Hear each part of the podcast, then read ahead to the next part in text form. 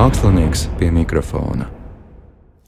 Esiet sveicināti podkāstā Mākslinieks pie mikrofona. Jūs šobrīd uzrunā Anna Marta Burve, un man ir liels, liels prieks šajā reizē sveicināt viesi režisoru Linārdu Āboltiņu. Sveiks, Linārd! Sveika. Linārda, šodien pirmo reizi noķēru mm, tādu pavisam ilgi nebijušu sajūtu, kas ir saistīts, protams, ar visu koronavīrusu. Mēs tiekamies nedēļu laikam pēc tam, kad tiek atceltas maskas, certifikāti un visur iet bez maskām pēkšņi. Un, būt, un, un tā sajūta, pirmo reizi es tiešām sajūtu, ka, hei, vai tiešām tas iet uz noslēgumu. Vai tu vari parunāt, kā tu šobrīd jūties par visu šo situāciju? Tev ir tāda cerība, vai tu tomēr uztraucies, kas būs tālāk un tam līdzīgi? Nu, uz tiem abiem jautājumiem eh, par to cerību un par tām bažām, kas būs tālāk, es varu atbildēt apstiprinoši. Gan, gan ir gan cerības, ir gan bažas, ir eh, arī kaut kāda tāda ģeopolitiskā situācija, kas arī nedod mieru. Bet, eh, nu, kur tad bez cerības? Tas ir labi teikt. Bet, Klaus, varbūt eh, vēlējos tev vispārīgi pajautāt, eh, kā tev, ņemot vērā, ka šī pandēmija nu, jau kā trīs gadus vai divus iet? Uh, man jūg tie laiki pamatīgi. Es nezinu, tas bija kaut kādā mērā pazudis laiks. Pazudis laiks tādās radošās expectācijas attiecībā pret uh, sevi, radošā dzīvē. Un tad radošā ikdienā. Sanāk, ka šī pandēmija tev apstādināja kaut kādu radošo procesu, vai vispār vēlmi ar to nodarboties? Um, jā, principā jā. Nu, tā vēlme jau tā pa īstam nebija pazudusi, bet uh, bija nepatīkami tas, ka uh, tev ir kaut kāds tā saucamais vēlmju saraksts, ko tu gribētu darīt, un tu vienkārši saproti, ka tam visam vēlmju sarakstam ir tomēr, nu, ņemot vērā tos visus kaut kādi ierobežojumus, diezgan trekna strīpa pāri. Un, protams, ir kaut kādas opcijas meklēt alternatīvas. Es ļoti priecājos, ka ir daudzi mākslinieki, kas ir atraduši tās alternatīvas, kas ir dažādas attālinātās izstādes, ko mēs varējām apskatīt. Tiek publicēti teātris izrāžu ieraksti, izrādes tiek arī uzvestas tādā audio formātā. Un uh, man ir liels prieks, ka tās alternatīvas tiek sameklētas tāpat laikā. Es nezinu, vai tas ir tas, kas ir bijis arī to mākslinieku tajā vēlmju sarakstā, ko radoši darīt dzīvē. Vai tavuprāt, māksla šādā veidā nevar pastāvēt?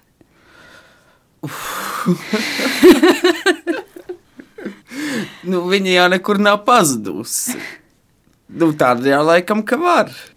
Droši vien tad ir jautājums par to kvalitāti un kā mēs redzam to mākslu, vai ne? Kā tu redzi to mākslu? Nu, jā, un tas, protams, arī ir kas konkrēti cilvēku interesē mākslā. Man, piemēram, dažādi tie audio-vizuālie projekti, un tas man tas nevienā brīdī nav bijis interesanti. Jo, kas man vienmēr personīgi paticis teātrī, ir tas, ka tā ir tā mirkļa māksla, kuru tu nevari, nezinu, nopirkt, ielikt sekcijā vai piekārt pie sienas, ka tas tomēr ir tas mirklis, kur tev jābūt šeit, tagad un uz vietas. Tāpat laikā visas tās audiovizuālās izrādes tur var apstādināt, aiziet pēc kafijas, un, tādā, un tur zūd kaut kāda zināma tā teātra maģija līdz ar to, vai, vai, vai tas man ir interesanti. Man ir interesanti paskatīties uz to kā uz kaut kādu radošu risinājumu, jo mūsdienās laikmatīgajā teātrī un video ir ārkārtīgi noteicoša loma. Bet tāpat laikā teātris ir tā māksla, kuru tu esi nevar piekārt pie sienas, nevar kolekcionēt. Līdz ar to tajā pandēmijas laikā mm, man liekas, ka bišķiņi pazuda tā mirkļa burvība, jo tāpat laikā eh, tās visas tiešsaistes izrādes, tu lielāko daļu viņas arī apstādināt, aiziet pēc uh, tējas, kafijas, kaut kāda našķa un turpināt skatīties, un tur tomēr pat zūd tā zināmā tā teātra maģija, kas vispār manī piesaista teātrim. Linārta, man ir ārkārtīgi liels prieks un arī pateicība tev, ka tu šodien esi arī atnācis šeit un esi gatavs parunāt par savu pieredzi ar UDHS, kas ir uzmanības deficīta hiperaktivitātes sindroms, kā arī autiskā spektra traucējumiem. Un šajā sakarā es tev pašā sākumā vēlos jautāt, Kāda tev vispār ir sajūta nākt un publiski runāt par to, vai tu jūti tādu, nu, tas nekas nav. Es vienkārši runāju, vai arī tomēr kaut kādas bāžas, kaut kāds satraukums ir runāt par šīm tēmām tik atklāti? Nu, nav tā, ka es esmu jūtos ļoti, ļoti gatavs par to runāt. Tāpat laikā tas aspekts, kas man šķiet ļoti svarīgs, ka varbūt kādam uh, tas varētu noderēt. Tā man personīgā pieredze, jo um, arī es savulaik biju ļoti, ļoti apmulsis, domājot, kas man ir un kāpēc kaut kas nesanāk, vai kāpēc cilvēki mani pārprot. Līdz ar to um, tajā laikā, tas bija pirms astoņiem gadiem, varbūt tās tā aptuveni, kad uh, konstatēju, ka man ir tie autiskā spektra traucējumi, tajā brīdī to man nodēvēja par Aspergera sindromu. Un tajā brīdī es saskāros ar to, ka man ļoti pietrūkst informācijas par to. Līdz ar to, jā, es laikam, kā lai saka, esmu gatavs uzņemties, parunāt par to savu pieredzi. Paldies tev par to. Es domāju, ka mēs varbūt varētu sākt uh, nedaudz papētīt UDHS, jeb uzmanības deficīta un hiperaktivitātes sindromu. Un šeit mēs varētu pajautāt uh, pēc palīdzības mūsu ekspertam pie mikrofona psiholoģijai un kognitīvi behaviorālajai terapeitei Dianai Zandē. Eksperts pie mikrofona.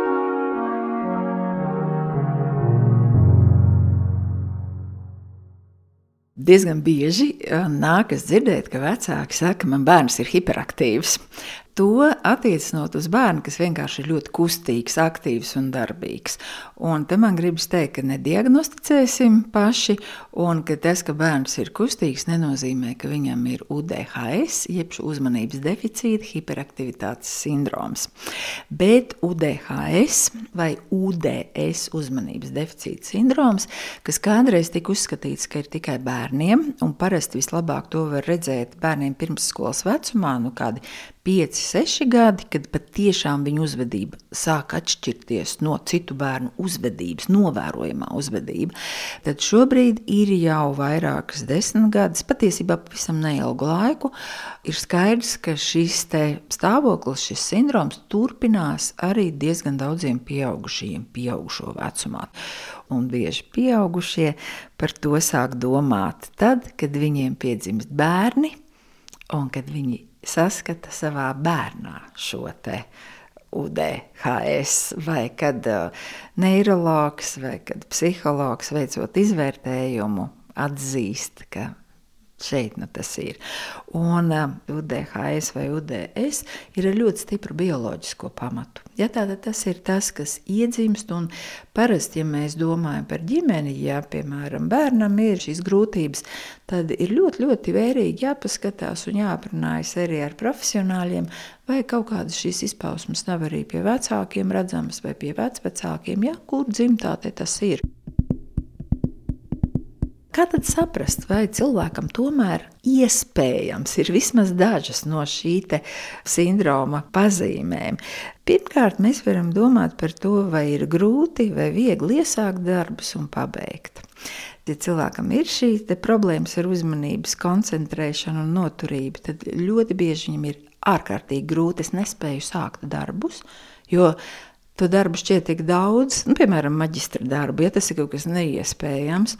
Viens, es nespēju uzsākt, otrs, es nespēju sekot plānam rutīnai, noteiktām darbībām, kas seko vienotrai, un arī ļoti grūti pabeigt, jo bieži vien es esmu aizklīdis tajos sānceļos, ja tajos daudzajos mazajos papildus darbiņos, un dažkārt, protams, arī tur ir vēl perfekcionisms klāt, ja es gribētu to izdarīt īpaši.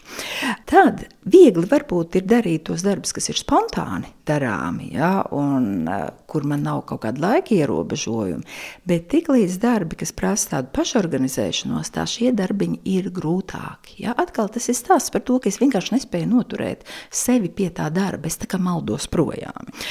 Nākamais ir, protams, izklaidība. Mums katram ir raksturīga, un tad, kad mēs esam pārslodzē, mēs aizmirstam lietas. Bet arī nesot pārslodzē, kā aizmirstās um, tikšanās, aizmirstās plāni. Dažreiz ir grūtības ierīkot tādu lietu kā plānotāju. Ja? Pat ja es to plānotāju esmu ierīkojis, man ir grūti uzturēt sistemātiski. Tad varbūt arī tādas neuzmanības kļūdas, kas ir krietni izteiktākas nekā varbūt kādam citam. Aizmāršība. Pazaudē lietas. Tad, kad es biju maza meitene, tad modē bija tie lietu sargu zaudētāji. Es nezinu, kā tas ir tagad, bet es domāju, ka nekas dišs jau nav mainījies. Varbūt biežāk cilvēki saka, ka viņi aizmirst un pazaudēja savas mašīnas atslēgas, ja? vai, vai nezinu, kur viņi ir nolikuši ID karti ja? vai, vai telefonu. Ja? Bet man zūd, man mūžam zūd lietas. Ja? Un atkal katra no šīm iepriekš nosauktajām lietām kaut kādā laika posmā vai dzīves situācijā ir normāla. Bet, ja es jūtu, ka lielākā daļa no šīm lietām tomēr attiecas uz mani un traucē man ikdienu, tad es varētu domāt par to, ka iespējams tomēr kaut kas man ir no šiem simptomiem. Es nenosaucu visus, lai saglabātu intrigu, vai arī lai vienkārši neļautu cilvēkiem pašdiagnosticēties. Un vēl kas ir, ka, diemžēl, tad, kad pieaugušajiem cilvēkam ir šis UDS vai UDHS, tad tas rada arī grūtības starp personu attiecībās. Jo, protams, ka sevišķi mēs domājam ģimenē, partneru attiecībās, nu, mums tomēr patīk, ka mēs ievērojam norunas vai ka kaut kādi saplānotie darbi tiek izdarīti, rēķini tiek nomaksāti laikā. Rēķina nenomaksāšana laikā nevis tāpēc, ka nav naudas, bet tāpēc, ka vienkārši aizmirstās, vai ne? Un ka šīs it kā mazās lietas, bet rada ilgstoši tādu spriedzi ģimenes attiecībās. Un, protams, tas cilvēks, kurš ir ļoti strukturēts, ģimenē un mērķtiecīgs, viņš var nesaprast to savu partneri, kurš ir šāds te it kā pa gaisiem, it kā pa mākoņiem, un var pārmest savam tuvajam cilvēkam, ka tas notiek tīšām. Mākslinieks pie mikrofona. Diana ļoti, man liekas, eh, apjomīgi un īsā laikā izstāstīja visu to, ko mēs tikko dzirdējām. Un eh, šeit noteikti es arī pati vēlos uzsvērt, eh, vienkārši pazīstot cilvēkus, ka nevienam nav viena un tā pati situācija kā kādam citam. Un tāpēc šajā gadījumā varbūt arī reflektējot par to, ko Diana nu pat kā teica, kā UDHS izpaužas tev, Linārd? Jā, nu, klausoties to ierakstu, tā zināmi pasmīkņāji, un uh, es pat nezinu, ko piebilst. Man šķiet, ka viņi ir uh, ļoti precīzi aprakstījusi tos simptomus, kas arī izpaužas man, un, kā lai saka, ar ko nākas sadarboties ikdienā. Varbūt vienīgais tā manta zaudēšana, tas ir Tas kļūstot tomēr vecākam, tas varbūt ir retāk, bet tāpat gadās. Klau, tajā brīdī, kad mēs abi kopā klausījāmies uh, Dienas stāstījumā, es pierakstīju pāris lietas, par kurām tu varbūt smējies visvairāk. pirmā no tām lietām bija par šo darbu iesākšanu un pabeigšanu. Varbūt tu varētu pastāstīt kādu reālu piemēru uz dzīves, kad tev tā ir bijis, ka tiešām nu, nekā nevar saņemties un, un kas notiek tajā procesā, kādi procesi notiek galvā. Es tiešām pasmīkņāju, jo, manuprāt, tas ir tik ļoti izteikti, ka es varu sataisīt milzīgus plānus, atcelt savās domās un savos pierakstos dažādas gaismas pilis un liels projektus. Es viņus varu iesākt, bet um, kādā brīdī, kad es varbūt saskaros ar kaut kādām lietām, kas pieprasa tiešām tādu sakoncentrētu uzmanību, vai tur, piemēram, nezinu, tev vai kaut kādas teorētiskās uzziņas, un tev ir jālasa akadēmiski darbi, kas nevienmēr ir pārāk aizraujoši. Tādos brīžos, lai kāds tev būtu projekts, nav tā, ka tev simtprocentīgi interesē, kaut kādas lietas un gribas darīt tikai to, kas tev interesē, bet nākas saskarties ar tiem pašiem, kā jau es minēju, akadēmiskiem tekstiem, piemēram, lai dabūtu kaut kādus uh, papildu uzziņas līdzekļus, un tie teksti nevienmēr ir interesanti. Un tie ir kaut kādi tādi brīži, kad es esmu pamanījis, ka man varbūt pazūd tā uzmanība. tad, kad man pazūd arī interesi par kaut kādu konkrētu projektu aspektu, kas man tajā brīdī nav pats aktuālākais. Un nav tā, ka es to atmetu. Es sāku darīt pilnīgi citas spontānas lietas. Piemēram, nezinu, es varu iekrist pilnīgi kādās avantūrās, un tas kaut kāds zināms escapisms sākās. Uh, ja tur ir iesaistīti kaut kādi līdzi cilvēki, tad viņi varbūt dažreiz nesaprot, kāpēc tu esi aizrāvies ar kaut ko pilnīgi fantasmagorisku un nu, uz attiecīgo projektu vispār nesaistītu. Un kādreiz man bija problēmas ar to laika plānošanu, to plānotāju izveidi, to savas dienas kārtības izveidi. Tad uh, arī tur mainījās dažādi plāni pa dienām, pa nedēļām. Un, uh, jā, kaut kādā ziņā man gribas atvainoties tiem cilvēkiem, kas esmu viņiem savulaik uh, licis vilties par kaut kādiem neizpildītiem darbiem, neizpildītiem solījumiem. Arī tagad daudz retāk, bet par retam gadās, ka es tiešām izdaru un um, varbūt neizpildu. Tas nevienā brīdī nav bijis ļauni vai tā, ka es gribētu uzmest, vai tas, ka man uh, nav konkrēta interese par to cilvēku un viņa iesaisti. Katrā ziņā to, to es iesaku citiem, to es arī vienmēr saku sev, kad es saskaros ar kaut kādu neadekvātu cilvēku reakciju, ka tas nav par tevi. Katram ir, kā lai saka, savi putni galvā un katram cilvēkam viņa putniem vajag izveidot uh, savu adekvātu būri, lai tur nelido apkārt. Diana pieminēja arī tādu lietu kā perfekcionisms, bet uh, tu tikko arī stāstīji, ka, jā, nu, piemēram, ir kaut kas jādara, ja, vai ne kaut kādi fakti, kaut kas jālasa, un tad vienā brīdī tu iesaisties kaut kādās spējās, avantūrās. Tu pasmaidīji arī pie tā perfekcionisma, tāpēc arī es tev vēlētos jautāt, vai tu sevī esi šo perfekcionismu novērojis? Un, ja tā, tad kā tas ir sadzīvot ar UDHS un perfekcionismu? Jau kopš kaut kādas vidusskolas, um, īstenībā pusauģi gadi un mm, bakalaura studiju laiks pagāja ar tādu, vai nu es daru uh, izcili, vai nu es nedaru nemaz. Un tad jau uh, uh atcaucoties to iepriekšējo sarunu par pandēmijas laiku un tām alternatīvām, jā, man nācās darīt lietas, uh, kur tu nebūtu, nevar izdarīt perfekti. Tev jau ir tādi uzstādījumi, ka tu nevari īsti izdarīt pēc tiem saviem kaut kādiem perfekcionismu standartiem. Un tad kaut kā man ir šobrīd ieslēdzies mazliet lielāks nihilisms to pret to savu perfekcionismu. Līdz ar to es vairs nekoncentrējos uz to, ka vajag izdarīt perfekti, man vajag izdarīt perfekti. Man vajag izdarīt vienkārši tā, kā es gribu, lai tas izskatās. Ka man nav kauns zem tā pielikt savu vārdu. Tas ir jokaini, ne? Jo perfekcionisms, man liekas, un perfekcija un perfekts nepastāv. Protams, tas ir um, ļoti, ļoti subjektīvi.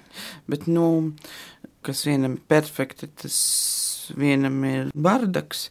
Manuprāt, daudz svarīgāk ir izstrādāt sev un saviem darbiem kaut kādus kvalitātes kritērijus, pēc kuriem tad arī tu seku un kā, nu, centies tomēr nelaist zemāk. Un, nu jā, man kaut kā tāda lielākā sāpe ir, ka viens no tiem maniem šī brīža kvalitātes kritērijiem ir uh, neuzņemties darbus, kurus tu nevari izdarīt līdz galam. Runājot par to uzmanības deficītu, tas ir kaut kādā ziņā pats sevi ielikt kaut kādā slāzdā, manuprāt. Bet um, tāpat laikā, nu, uzmanības deficīts, kā jebkura lieta, ir novērojama, un pat tu izdari secinājumus. Un, un tu centies nekāpt tajā grāvī atpakaļ, kurā tu jau esi iekāpis. Līdz ar to tas, ka tev ir kaut kāds uzmanības deficīts, nenozīmē, ka tev tas dod kaut kādas atlaides. Nevienā brīdī tas tev nedod kaut kādas atlaides. Kā jau es teicu, tā nav lieta, ko tu ierakstīsi CV un kāds ar to rēķināsies. Tā kā tev ir darbs, tev ir mērķi, vienkārši nu, centies to izdarīt. Manā gadījumā varbūt tas ir dažreiz grūtāk, jo, kā jau es minēju par to, kad parādās kaut kāds aspekts, kas tev novērš uzmanību, tad dari pilnīgi kaut ko citu. Klaus, iedomājos, vai tev kādreiz nav bijusi tāda sajūta, bet tik negodīgi, kāpēc ar mani tā ir, bet, piemēram, ar manu labāko draugu vai kādu manu ģimenes locekli tā nav? Oh, nē, es sapratu, ka tas ir kaut kāds tāds aspekts, ar kuriem pats sev nebūšu nekad garlaicīgs. Kad, kā lai saka, Manas smadzenes vienmēr spējas mani pārsteigt, nesagatavot. ne, es, protams, ļoti sagatavojos, lai viņas man nepārsteigtu, bet uh, nē, es apzinos to, kas es esmu un mēģinu kaut kā to atzīt. Diana arī minēja par to, ka bieži vien jā, tās domas viskaut kur var noklīst. Un arī, kā tu teici, kaut kāds darbs tiek iesākts, bet viņš var tikt pamests. Es iedomājos, vai šis UDHS, tu teiktu, palīdz tavam radošumam, vai tieši viņš ierobežo viņu kaut kā. Jo man vienmēr arī kaut kā tas radošums ir saistījies ar šo kaut kādu domu lidojumu, vai ne? Nu, nav tā, ka man nav izrakstīta un es nelietoju medikamentus, kas palīdz koncentrēties un palīdz tās lietas novest līdz galam un palīdz fokusēties uz tiem saviem darbiem, kas tev tajā plānotājā ir sarakstīti.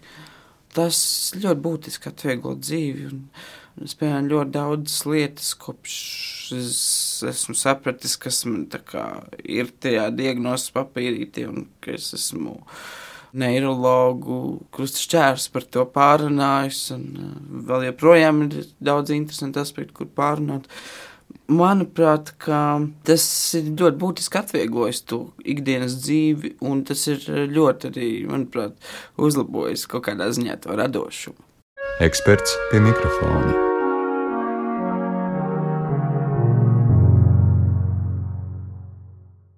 Tad, kad mēs runājam par šādiem sarežģījumiem, tad uzreiz šķiet, ka Dievs tie cilvēki nu, neko dzīvē nevar sasniegt. Jo, protams, šie ierobežojumi mūsdienu laikmatā, kad visam ir jābūt strukturētam ar deadline, ja, ir noteikti lietas, kas ierobežo ja, šos cilvēkus un ka viņiem varētu būt kaut kādas grūtības. Bet ir labā ziņa, ka ir ļoti daudz pašpalīdzības metožu, un, protams, arī psihologi mēs strādājam ar šo, kā palīdzēt sev struktūrēt, ja, kā iemācīties pārvarēt šīs grūtības, kaut vai teiksim, pazust tulkojumā, ja, uz tām daudzajām takām.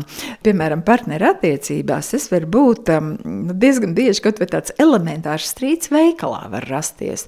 Nu, piemēram, es iztēlojos Alfas Rimī, kas ir milzīgs un kurā var apmaltīties jebkurš, bet, piemēram, nezinu, viens no dzīves biedriem iet stingri pēc sarakstu un iepērkās ļoti racionāli un patiesībā diezgan veikli, kamēr otrs otrs kaut kur vienkārši pazuda, jo viņš ieraudzīja, ka tur ir citroni, un tad pie citroniem viņš atcerējās, ka vispār viņš gribēja cīsiņus, un tad, kad viņš ir pie cīsiņiem, viņš saprata, ka paga vēl jāpastās veļas pulveru cena, un ja veļas pulvers vai nav arī tolets papīrs, paga, ā, vīns noteikti jānopērk, un viņš ir pazudis, ja?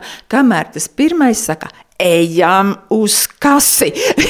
tā kā var teikt, eh, dažreiz pilnīgi tā kā nokontrolē šo te pazūdošo partneri. Ja? Un ja tas notiek regulāri, tad varbūt ir tas jautājums, hei, vai tas tā nav bijis allaž, ka tu kaut kur aizmaldies, ka tu kaut kur aizklīst un ka katra nākamā doma tev aizved ar vien tālāk, tālāk, tālāk, tā kā tā desa un, un tas vīns un tas tolēts papīrs, ja? ka tas notiek arī citur dzīvē. Mākslinieks pie mikrofona. Man liekas, viņa forši pastāstīja par to. Es tev varu. Parunā par šo Linārdu lūdzu. Tas ir ļoti smaidīgs. Tas ir uh, perfekts piemērs no manas ikdienas ar otru pusi ejot uz uh, Maksimu šajā gadījumā, nevis uz Alfas uh, Rimī, ejot uz Maksimu. Uh, Nav tā, ka es kaut ko šausmīgi tagad iecerēju pirkt, bet uh, es vienkārši varu attapties, es nezinu, pie rotaļlietu plaukta, vienkārši pētīt, skatīties. Kaut gan patiesībā tev ir jānopērk kaut kādas, es nezinu, tur maize un piens un kaut kādas tādas lietas vienkārši, lai būtu ielikt leduskapī un ēst. Un uh, es varu aizmaldīties un tā, un ļoti daudz reizes ir bijis šis teksts. Uh, ejam, kur tu aizklīdi. ko tu dari? Vai ejam, darām kaut ko, mums nav laika. Un tas ir, manuprāt, tāds ļoti arhitektisks piemērs, ko Diana šeit minēja. Un, jā, manuprāt, līdz šim. Kā lai saka, Diana nav pateikusi neko tādu, ko es nevarētu varbūt attiecināt uz savu ikdienu nu, jā, es tomēr cenšos kaut kā, vismaz, ja es pierakstu, vismaz iet uz to pašu veikalu. Es cenšos sarakstīt savu to sarakstiņu un saprast, ko man vajag. Es ļoti bieži vienkārši izietu no veikala ar pilnīgi nevajadzīgām lietām. Un, un tās ir pilnīgi kaut kādas tā kā randomizētas, ka tā kā... Nu, nav tā, ka pilnīgi tur uh, random, teiksim tā, bet... Uh, Nu, piemēram, pandēmijas laikā man bija tāds maziņš hobijs, vākt orhidejas un čubināt orhidejas. Un vienu brīdi bija pat 30 orhidejas visās oh. mājas palodzēs. Un, un, un, un daļa ir aizgājusi pie dieviem, daļa skaisti zied, bet nu, es tāpat vēl čubinu. Un tad es vienā brīdī pamanīju to, ka man ir piecas lielas pudeles ar orhideju mēslojumiem. Pie tam vēl tajā sezonas brīdī, kad viņas nav jāmēslo. Tas vienkārši oh, vajag. Jā, kādā sakarā vispār pēc tam tu attopies un domā. Nu, nu. Jā, ir kaut kādas lietas, kas ir vienkārši saistītas ar kādu kolekcionēšanu, krāšanu, kas man vienmēr bijis raksturīgi kolekcionēju. Tas vairāk laikam attiecas uz to mūsu nākamo to sarunas tematu, kas teorētiskā spektra traucējumi, Aspergera sindroms, ka man šausmīgi ļoti patīk kolekcionēt lietas un tādā garā. Jā, tur jau kaut kādā ziņā tās personības izpausmes manī pārklājās. Tie ir jautājumi, kas man ir neatbildēti, kas man ir kādi simptomi, varbūt no UDHS, kādi simptomi man varbūt no tiem autiskā spektra traucējumiem un kādas korelē savā starpā. Un es vēl pēdējā reizē vai neiroloģijā jautāju, vai tas vispār tā var būt. Viņa atbildēja apstiprinoši. Katru reizi, man liekas, viņa uzdod to jautājumu, jo kā, nu, tas ir ļoti, ļoti mulsinoši. Tas ir kaut kāda aspekta personības, kas vēl sevi ir jāizzina un kaut vai tajā aspektā, kā to komunicē ar citiem. Es domāju, ka mēs varētu varbūt pāriet pie autiskā spektra traucējumiem. Eksperts pie mikrofona.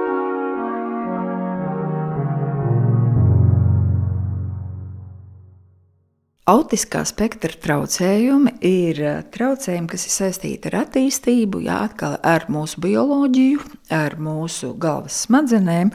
Un šis ir traucējums, kas ir visu mūža garumā, un kas ietekmē gan to, kā cilvēks saprotas ar citiem cilvēkiem, kā viņš sazinās ar citiem cilvēkiem, kā viņš veido sociālo miedarbību, komunikāciju, un vai viņam ir iztēle, ja tās ir noteiktas tādas iezīmes, un tās izriet no specifiskas galvas smadzeņu darbības, kuras rezultātā cilvēks tā kā pieredz pasauli nedaudz atšķirīgā veidā nekā vairums cilvēku mūsu kultūrā, kā tas būtu pieņemts.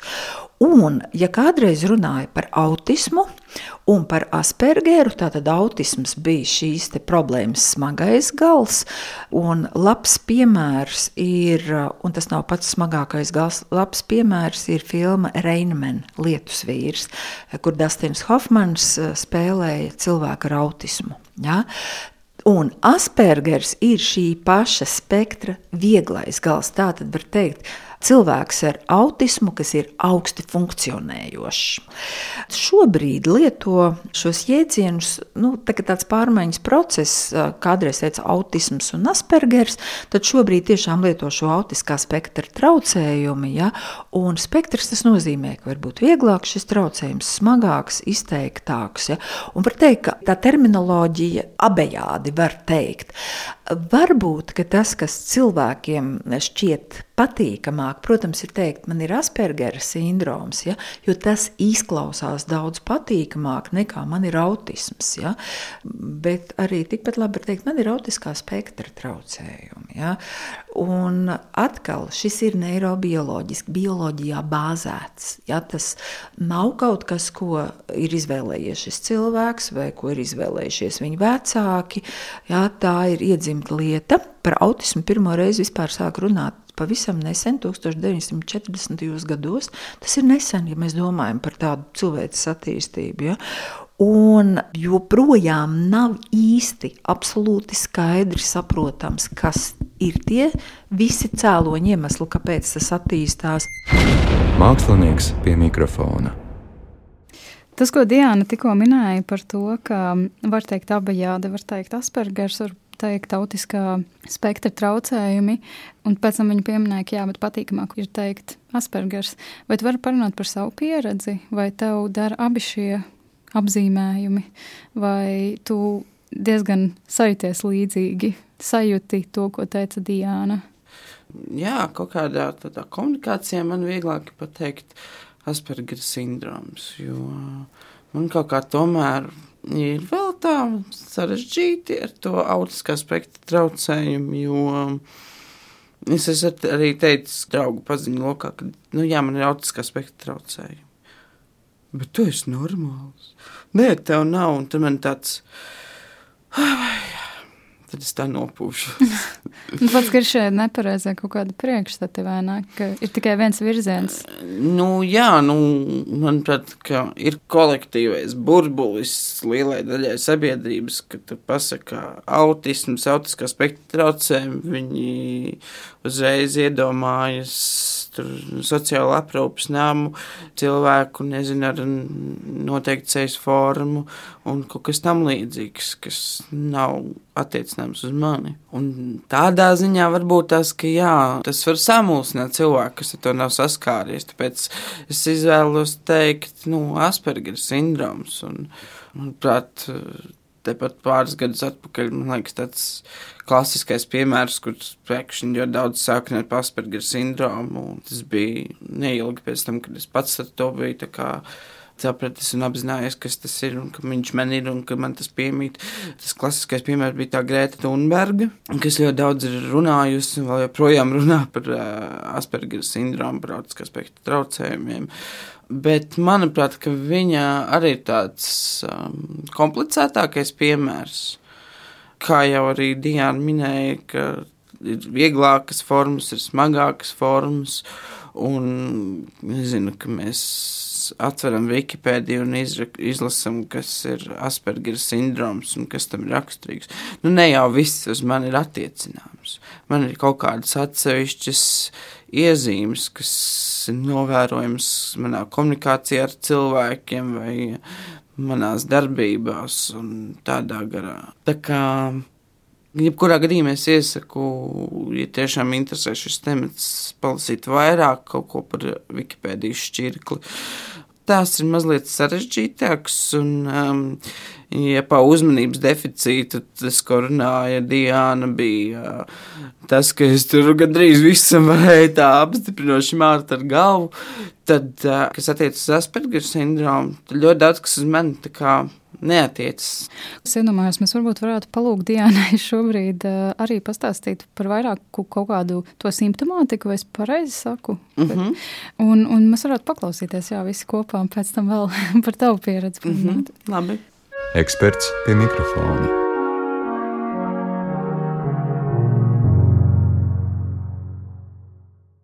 Ja mēs domājam par to ikdienas cilvēku, nu, kā mēs domājam par jebkuru cilvēku. Kad tas ir cilvēks, ar kuru mēs varam saprasties, ar kuru mēs varam sazināties, cilvēku, kurš diezgan ātri saprot gan mūsu ķermeņa valodu, vai mēs esam priecīgi vai bēdīgi, cilvēku, kurš spēj nolasīt mūsu emocijas, mūsu noskaņojumu, cilvēku, kas spēj saprast pārnesto nozīmi, jokoties, kurš pēc būtības domā nu, līdzīgi tā kā es. Ja? Tātad mums ir šis priekšstats, ka tā sazinās visi cilvēki.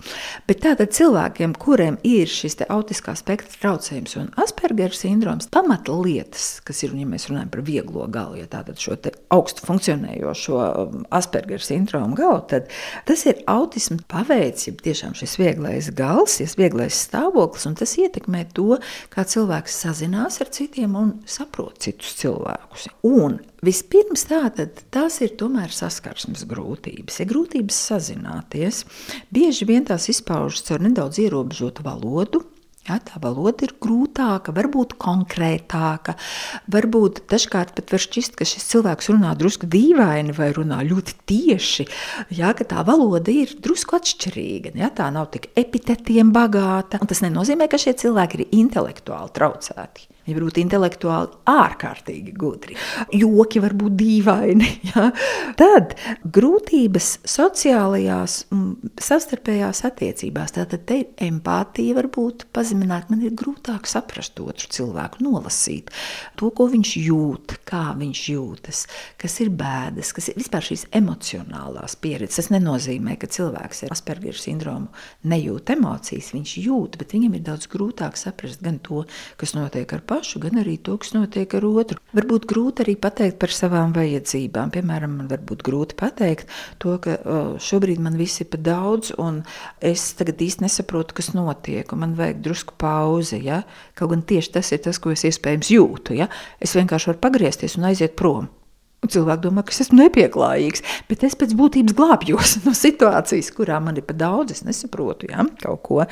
Vēl varbūt sevišķi bērnībā tas ir redzams, ka varbūt ir iztēles grūtības, tā kā ir grūti fantazēt un būt tādam radošam ļoti. Kaut gan atkal nevienmēr tas ir, bet diezgan bieži arī var teikt šiem cilvēkiem, intelekts tieši tāds pats kā pārējiem, jo šis nav intelektuālās sfēras traucējums. Ja? Nekādā veidā tas ir sociālās miedarbības grūtības. Un intelekts bieži vien pat pārsniedz vidējo, un bieži vien šeit ir ārkārtīgi spēcīgas matemātiskās spējas. Ārkārtīgi spēcīga precizitāte, jo dažreiz cilvēks tā kā iestrēgst, ir precīzi tikai tā. Viņi var strādāt darbu, kurā ir vajadzīgs ārkārtīgi precīzi no, sakot instrukcijām. Tad dažkārt var būt arī tas, ka šīs intereses ir ļoti specifiskas, ļoti šauras. Nu, piemēram, kosmosā es zinu visu, ja? vai piemēram, rāpuļi. Ja? Par tiem es zinu absolūti visu, vai kāda fizikas joma, nozare. Bet grūtāk daudz būs ar literatūru, vai vēsturi, ja? vai kaut kādām šādām jomām, kur ir vairāk vajadzīga šī fantāzija, iztēle, vēlreiz ja? šis te, uh, radošums. Un atkal rutīna patīk. Ja? Patīk rutīna, ka lietas ir paredzamas un prognozējamas. Un te, protams, arī no vienas puses tā ir ļoti jauka lieta, ne, ka cilvēkam patīk rutīna, bet varbūt cilvēkam ar šo Aspergera sindromu tā rutīna ir daudz, daudz svarīgāka. Ja, lietas ir paredzamas, lietas ir kontrolējamas. Tas rada drošību, jā, un tādu emocionālo stabilitāti lielāku. Jo pie tāda lielāka, šī dziļāka, nozīmīgāka traucējuma, jebkādas pārmaiņas var radīt ārkārtīgi emocionālo spriedzi. Ja, tāpēc gan bērniem, gan pieaugušiem, nu, pieaugušie atkal jau tomēr ir nobrieduši smadzenes, ja ir jau drusku vienkāršāk, bet bērniem ļoti, ļoti svarīgi ir šī rutīna, paredzamība, paskaidrojumi, ka lietas atkārtojas noteiktā veidā. Bieži vien viņam ir svarīgs viņa šķīvītis, viņa krūzīte, jā, lai mammai nebūtu jauna frizūra, jā, lai viņš sarunājas ar pazīstamiem, ar svešiem. Nē.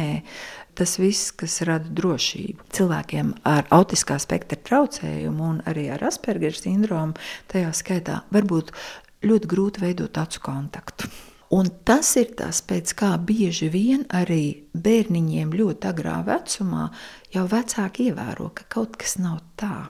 Viņš tā kā skatās, bet viņš tā kā neskatās virsū. Viņš tā kā drusku kaut kur sāņš skatās. Un dažreiz vecākiem ir izjūta, ka viņi tā kā netiek klātam bērniņam. Ja? Viņi nevar atrast kontaktu ar viņu, ja viņš tā kā nereaģē. Tad šī ir viena no tām lietām, kad parasti arī kā, nu, būtu vērts pārbaudīt, ja? vai, kaut kas, vai kaut kas nav no šī spektra. Mākslinieks pie mikrofona. Viena no pirmajām lietām, ko viņa minēja, bija šis sarkasms, ka viņa tur pieminēja, ka, nu, ja es, piemēram, pasaku, ka es tagad iešu kādam raut galvu, ka nedomā, ka es iešu raut kādam galvu. Kā tev ir ar šo? Es atpazīstu sarkasmu, bet tad, kad um, ir kaut kāds teikums vai kaut kāds tas vārdu salikums, kas ir domāts sarkastiski, bet es neesmu viņu dzirdējis. Dzirdējis, ka cilvēks tā izsakās, vai tas sarkasms ir tik nu, ļoti, ļoti slēpts. Es to saprotu patiešām. Bet ir tā, ka Es mēģinu, es ļoti piedomāju pie tā, kāda ir tā cilvēka ķermeņa valoda, kāda ir viņa balss intonācija, kāda ir viņa žesti, pat kā viņš nostājies.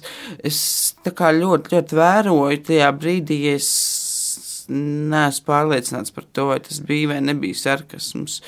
Un ir gadījies jā, ka man tāds - satrūkstos, bet uh, lielākoties es tomēr spēju, spēju mēģinu atpazīt. Bet jā, gadās, ka es arī neatpazīstu. Nu, tas ir ļoti tāds specifisks situācijas. Es tev vēlētos pajautāt par jokiem. Diana minēja jokus. Šķiet, viņa teica, dīvaini joki, un tu pasmaidīji. Vai tev ir kaut kas sakāms par šo? Bērnībā un pusauģu gados bija kaut kādi izteikumi, kas man pašam šķita ļoti, ļoti smieklīgi. Vēl tagad es citreiz izsakos tā, ka man pašam liekas, šis būs spēki jautri. Un tā reakcija ir, nu, vienkārši viņi ir šokā. Viņi nesaprot, ko es runāju.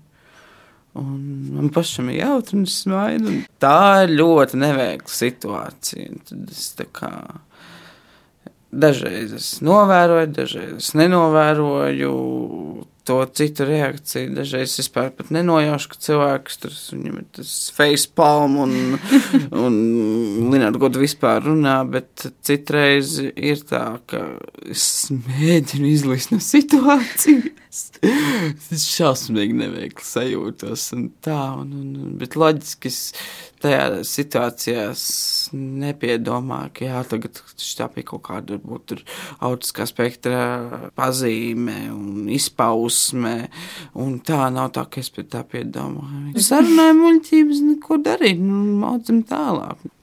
Es nezinu, es kaut kā to uztveru viegli. Citi varbūt šausminās, bet es vairs par to nesatraucos. Tas ir tik brīnišķīgi, jo man liekas, tā satraukšanās veicina vēl lielākus kaut kādus, kaut tos pašus trauksmes traucējumus kaut kādus. Nu, jā, protams, visa tā trauksme un depresija jau ir tikai uh, sekas no tām mazajām dzīves situācijām, kas tavā personībā ir citādākas, un tu citādāk komunicē, citādāk dari, tu nezinu, nevar kaut ko izdarīt līdz galam, un tu meklē kaut kādus sanceļus, vai nedari nemaz.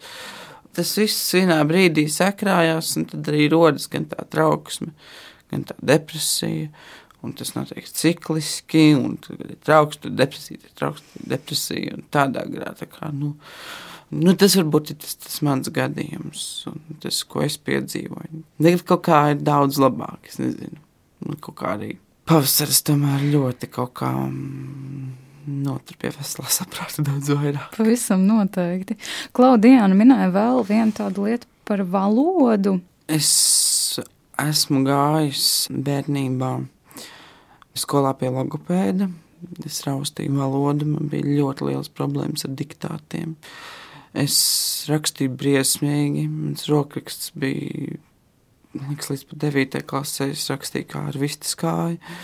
Es atceros, ka bija posms, kad es dzīvoju pie savas krustmātes un pie saviem krustacākiem, un uh, viņa man kaut kādā sestajā, piektajā, sestā klasē, sestā klasē laikam, ka mēs līdz vieniem naktīm mācījāmies normāli rakstīt, glītrakstīšanu.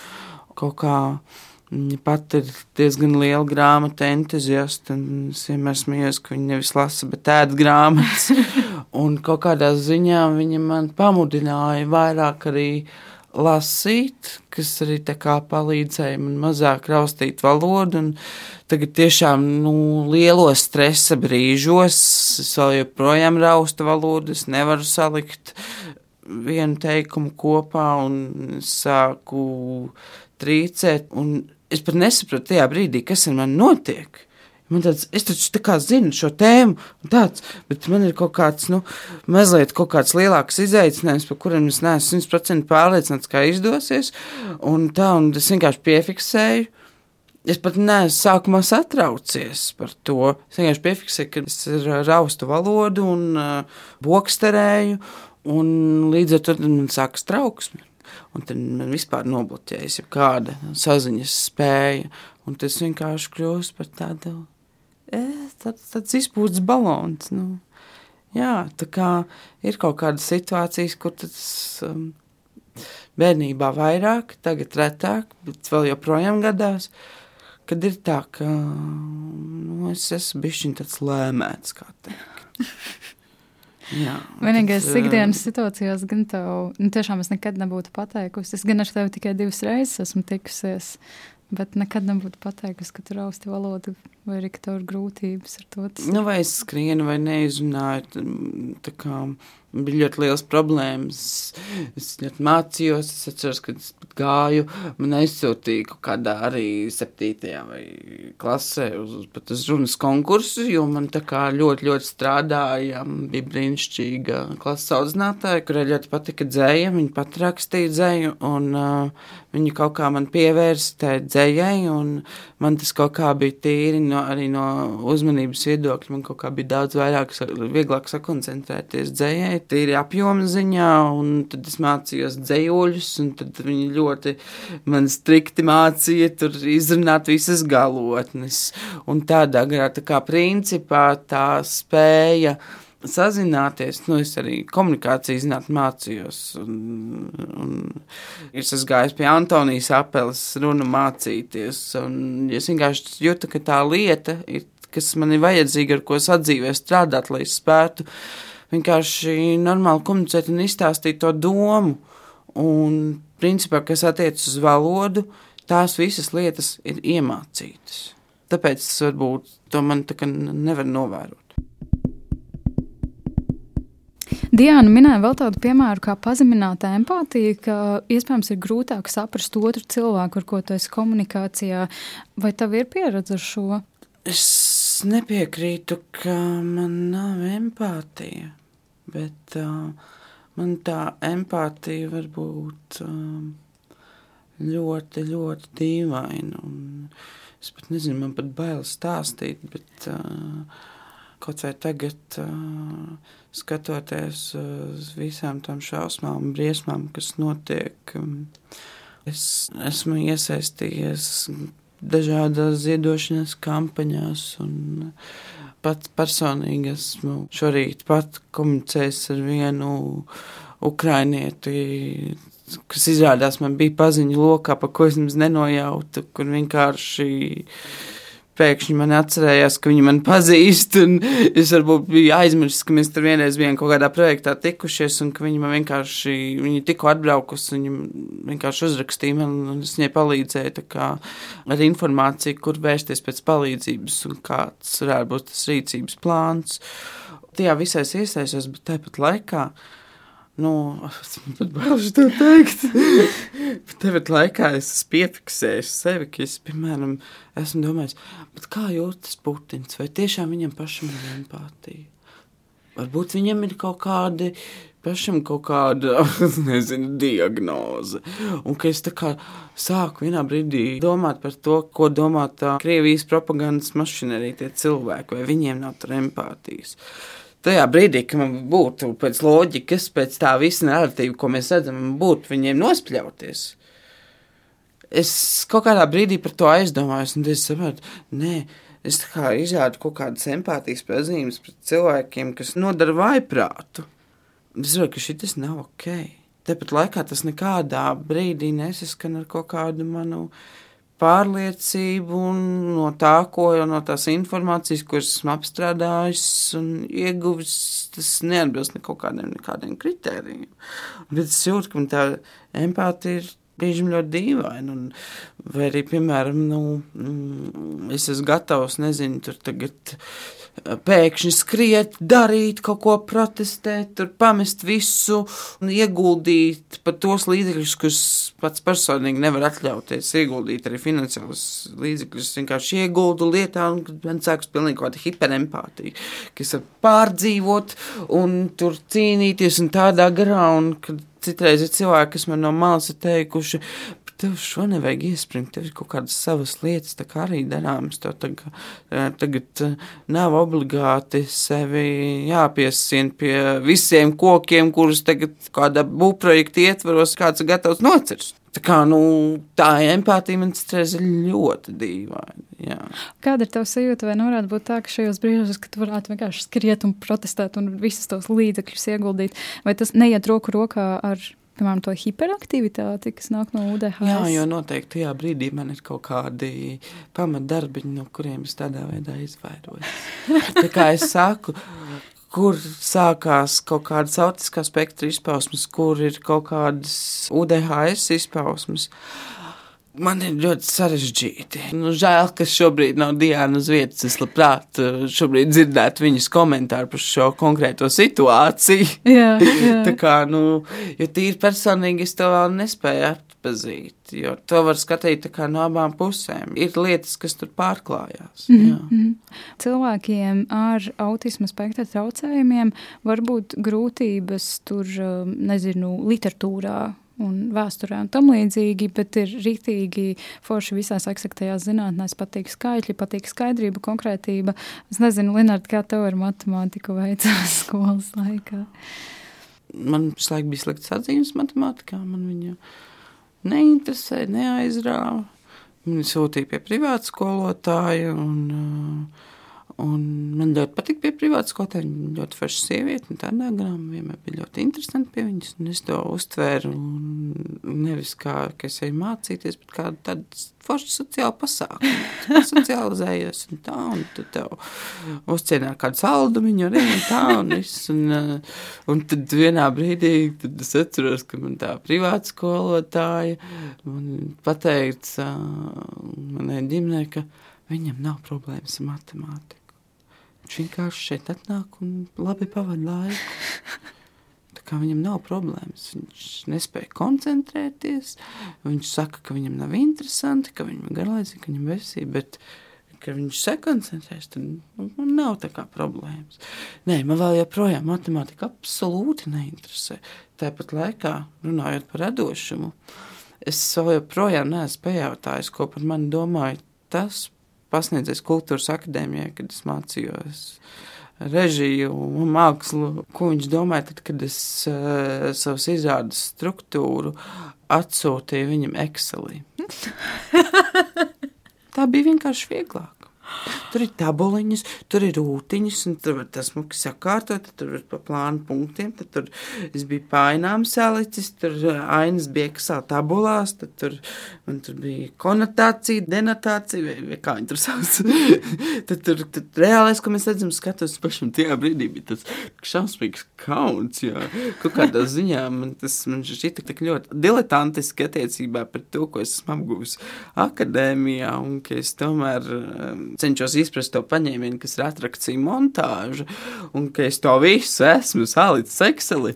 Man tā kā bija tas izrādes eksemplārs, kur man tā kā arī bija viss pierakstīts, bet, nu, kamēr citi neskaties, paklusojos, skaties tajā savā Excelī. Jā. Un tas vienkārši man bija ērtāk. Un tad es domāju, tas ir aspergers, tas nav aspergers. Kas man ir raksturīgi, ir radoši, man ir svarīgi tas, ka man ir viss ir labi sakārtots un ka man ir tie plāni. Man šausmīgi nepatīk, ka man kaut kādi plāni mainās un tādā garā un, un ka man kaut ko atceļ vai pasargdievs uzmet. Un tad vienkārši man sākas stress. Tās pašas orhidejas man svarīgi, lai viņas ir tur precīzā, lai viņi iebrīdītas uz palodzes un tā. Un man ir svarīgi tur tie atstatumi un tad tur ziedi. Ja viņas zied, viņas tur sakārtotas pēc tā, kā viņas zied. Un, oh. un tā kā, nu, tas ir dīvaini. Jā. Man ļoti patīk tevī klausīties un dzirdēt to, ka patiesībā šis aspergers un radošums neizslēdz viens otru, jo mazliet rodas tāda sajūta, ka, nu jā, cilvēks ar aspergeru, nu, viņš ir vairāk um, tur uz matemātikām, fizikām, ķīmijām. Kaut kā man interesē tā māksla, kaut kā man interesē tas radošums. Mm -hmm. Es tev nu, tiešām nevaru atbildēt, nezinu, kā tas ir iespējams. Es varu tikai atreferēt savas pārunas ar um, to pašu neiroloģiju, ka um, principā tas kaut kādā mērā ietekmē radošumu. Tāpat laikā man ir gana liels intelekts, lai es izdomātu risinājumus. Ar to man nekad nav bijušas problēmas. Mm -hmm. Varbūt tur ir kaut kāda tāda lieta, kas neesmu tur, varbūt, tur atapīgs un tāda, kas ir kaut tāds UDHS jautājums par to atapību, jo Principā viņa teica, ka tas varbūt ir sarežģītāk, bet eh, tas, protams, kādā ziņā tagad eh, neuzliek kaut kādu zīmogu, ka tu nevari būt radošs un tu nevari nodarboties ar mākslu un kultūru un tādā garā. Un, un, un, un kaut kā es tās lietas daru pēc labākās sirdsapziņas, kā es viņus uzskatu, kā viņas būtu jādara. Vai es būtu atklājis ideālo recepti, kā darīt mākslu?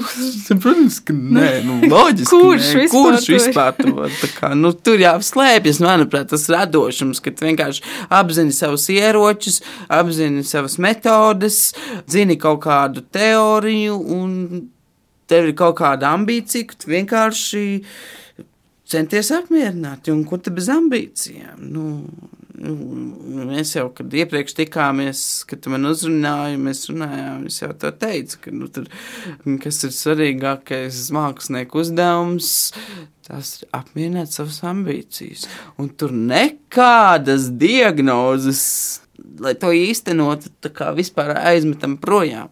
Vienkārši, nu, ej un dari. Nu, tā kaut kā. Vai šis uh, Aspergers tev dod kaut kādu unikālu spēju skatīties, kādā veidā šīs izrādes veidot? Nu, manuprāt, tas ietekmē vispār ne tikai radīt. Manuprāt, tas kaut kādā ziņā nu, ietekmē arī, kā es vispār uztveru, kā es noskatos, izrādu. Mm. Jo ļoti bieži ir bijis tā, ka es pats priekš sevis atklājis, ka es izrādu, redzu, pišķīt citādāk. Es kaut kā ļoti bieži nevaru pievienoties kaut kādai kolektīvai domai, vai, piemēram, pieci respektabli teātris kritiķi ir uzrakstījuši ārkārtīgi pozitīvu vai ārkārtīgi negatīvu recenziju par teātris izrādu. Man ir pamatot pretējas domas, un es saprotu, ka es redzu varbūt arī to, kas tur nav. Es vispār ļoti bieži kritiķi cilvēki no malas redz mākslā.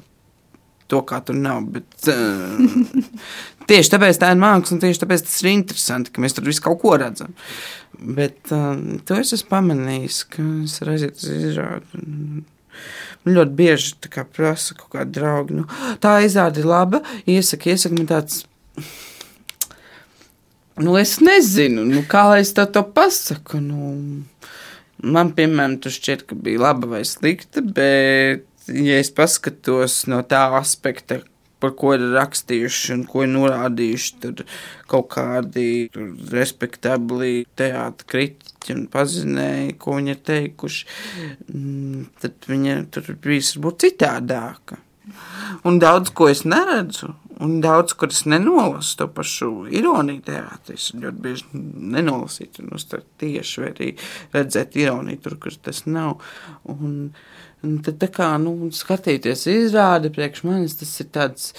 Tas bīstams piedzīvojums, un kaut kādā ziņā man ir sajūta, ka es uz teātri neju izklaidēties, es eju uz darbu. Mm. Es eju uz darbu. Un, ka man kāds saka, ej, tā un tā izrāda, vai tu nāksi, būs forši. Tāds, tev būs. Man jāstrādā, man jāsaprot viss. Man ļoti, man ļoti svarīgi izpētīt ļoti dažādi viedokļi, un tik cilvēki, tik viedokļi, cik izrāžu, tik viedokļi man ir kaut kā svarīgi tām visām pusēm. Un tas, ko es esmu sapratis, tas, ko es redzu savā galvā, ka tur ir kaut kāda tāda, es nezinu, Swift vai SWOT sistēma, kur tur ir ieguvumi, zaudējumi, eh, potenciāli, kad es to ir tā kā varu saranžēt tā Wow. ļoti tā. mm, Plusus, mīnusus, un tā, kur bija potenciāls, kur nebija potenciāls. Es varu sarakstīt tabuliņu, kas man patika, kas man nepatika. Tā ir kaut kāda tāda, nezinu, man priekš sevis analīze, kad es tiešām varētu, es nezinu, es rakstītu recenzijas, tad es viņu šobrīd rakstītu reāli kā tabulu. Jā, bet, nu, šobrīd man tā interesē radīt pašam, jo tas kaut kādā ziņā man liekas sarežģītāk, un, un kā es smējos, es labāk man patīk darīt to, ko es nemāku. Man gribas mācīties, man gribas saprast, un man kaut kādā ziņā tā māksla interesē. Man liekas, ļoti sarežģīti. Mākslinieks vispār šausmīgi sarežģīta lieta. Man interesē viņu radīt un, un kaut kā tajā visā procesā darboties. Es arī vakar tev rakstīju aptuveno sarunas karkas, un es pierakstīju to UDHS un autiskā spektra traucējumu paradoksu ka viņu līdzās pastāvēšanas paradoks, ka no vienas puses uh, arī jā, ka tev ir šīs visas tabulas, un ka tev patīk kārtot, un no otras puses ir šis, piemēram, UDHS, kur uzmanība pēkšņi var pazust. Kā tu skaties uz šo līdzās pastāvēšanas fenomenu? Nu, ir tā, ka, ja es piemēram koncentrējos uz kaut kādām citām lietām, un es ar savu, nezinu, tajā pašā mājās man apkārt var būt bardaks, bet vienā brīdī tāds klikšķis, tāds, Dievs, kuras atrodas. Tur līdz sīkumam viss tika izpucēts, sakārtots un tā un tā. Un, un tur, nezinu, tur smaržas saliktas, tur kaut kādas drēbes ir noteiktā kārtībā saliktas un tādā garā.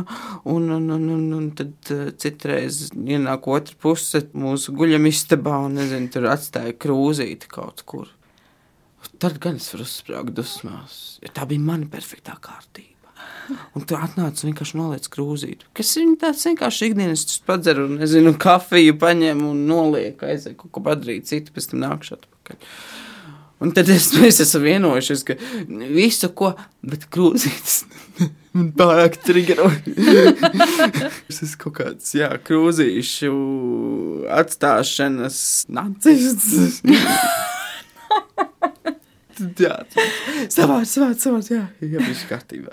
Vai tu varētu kopumā, paskatoties uz visu savu dzīvi, un varbūt drīzāk apzināto vecumu, parunāt par, piemēram, šīm tavām attiecībām ar šīm diagnozēm, vai agrāk tas bija kaut kā nezinu, sliktāk, ka tev tās attiecības bija sliktākas ar šīm diagnozēm nekā tās ir šodien, kad tu tiešām par to runā tik veselīgi un saproti, ka, hei, bet, nu, nekas slikts nav noticis. Kāpēc tev, prāt, es gāju pie ārsta? Es sapratu, ka es nefunkcionēju tā kā citi, ka man ir kaut kādas problēmas. Tajos 20 gados, plus mīnus, es gāju pie neiroloģa ar domu, ka man ir šizofrēnija. Pēc uh, tādas pusgadu ilgāk intensīvas iešanas pie neiroloģa, pie vairākiem neiroloģiem, un tā kā priecīgi paziņoju, nē, tev nav šizofrēnija. tev ir Asperger sindroms. Tā viņi tajā brīdī nodefinēja. Un tad es vienkārši sāku, kā lai saka, tas tā kā tev ir iedota jauna mācību grāmata, un tagad tu studē. Un tu mm. mācies principā sevi. Un tas tieši tas pats stāsts ir arī uzmanības deficītu. Tu aizēji arī pie neiroloģa, un viņš saka, jā, tev arī tas. Tu vienkārši sēdi tā atkal jauna mācību grāmata. Mācību grāmata par sevi. Man liekas, tieši tā arī visas diagnozes ir jāuztver. Nevis kā spriedumi, bet kā mācību grāmatas piemēram, kuģa čūla. Nu, tad, tad viņš tagad nešausmināsies ārprāts, ir kuģa čūla. Nu, tur nezinu, tu pārskatīsi savu ēdienu karti, kaut kādu tur savas tur fiziskās aktivitātes vai kaut ko tādu, ko tev sekos ārsti norādījumi, to darīsi. Vienkārši, nu, iemācīsies kaut ko jaunu par sevi, kā tev tagad sadzīvot, kā tev tagad funkcionēt. Šis ir tik iedvesmojoši šo klausīties. Jūs esat dzirdējusi, pazī, pazīstu cilvēkus, kuri, kuri nav tik tālu tikuši, bet tas arī katram ir savs pieņemšanas kaut kāds Nē, ātrums. Prāt, runāt par to ir šausmīgi vienkārši, bet, kad tev praksē tas jādara, tad citreiz viss mats var izplēst no galvas. Es nezinu, ko tagad darīt, kā komunicēt, kā koncentrēties, kā dabūt, nezinu, entuziasmu, kur meklēt azartu, kā sadzīvot ar kādiem depresīviem brīžiem, trauksmes brīžiem, jo kaut kas taču visu laiku ir jādara, jādara, jādara. Dažbrīd tās tiešām bezcerīgi sajūta, ka tā ir cīņa vēdzirnavām. Bet tāda arī ir dzīve, vai ne? Jā, protams, jā. Linārda, noslēgumā es vienmēr viesiem palūdzu novēlēt kaut ko klausītājiem, kas uh, ir palikuši ar mums līdz šīs sarunas beigām. Vai nu tas ir saistīts ar visām šīm tēmām, ko mēs šodien esam izrunājuši, vai arī tas ir vienkārši kaut kas, ko tu gribētu tā skaļi palaist pasaulē? tas gluži nav tāds uh, mans oriģināls citāts tāpat laikā mm, kaut kādā manā draugu lokā viņš ir zināmā mērā folklorizējies. Un tas ir kaut kas tāds, ko es arī patiesībā sev katru dienu atgādinu.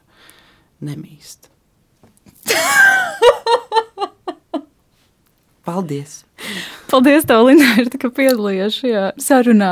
Es domāju, ārkārtīgi, ārkārtīgi vērtīgi. Es domāju, ka tu izgaismoji tādas lietas, par ko iespējams ļoti daudz līdz šim nebija aizdomājušies. Paldies tev, ka tu uzaicināji. Es pirmo reizi, laikam, tik atklāti parunāju par šo tematu. Līdz ar to. Um, man tas arī bija vērtīgi. Un, ja kādam citam tas arī šķitīs vērtīgi, tad man liekas, gan tavs, gan mans darbs šeit ir izdevies. Kā es arī to novēlu, lai mums te darbi izdodas. Paldies! Tā! tā. Mākslinieks pie mikrofona.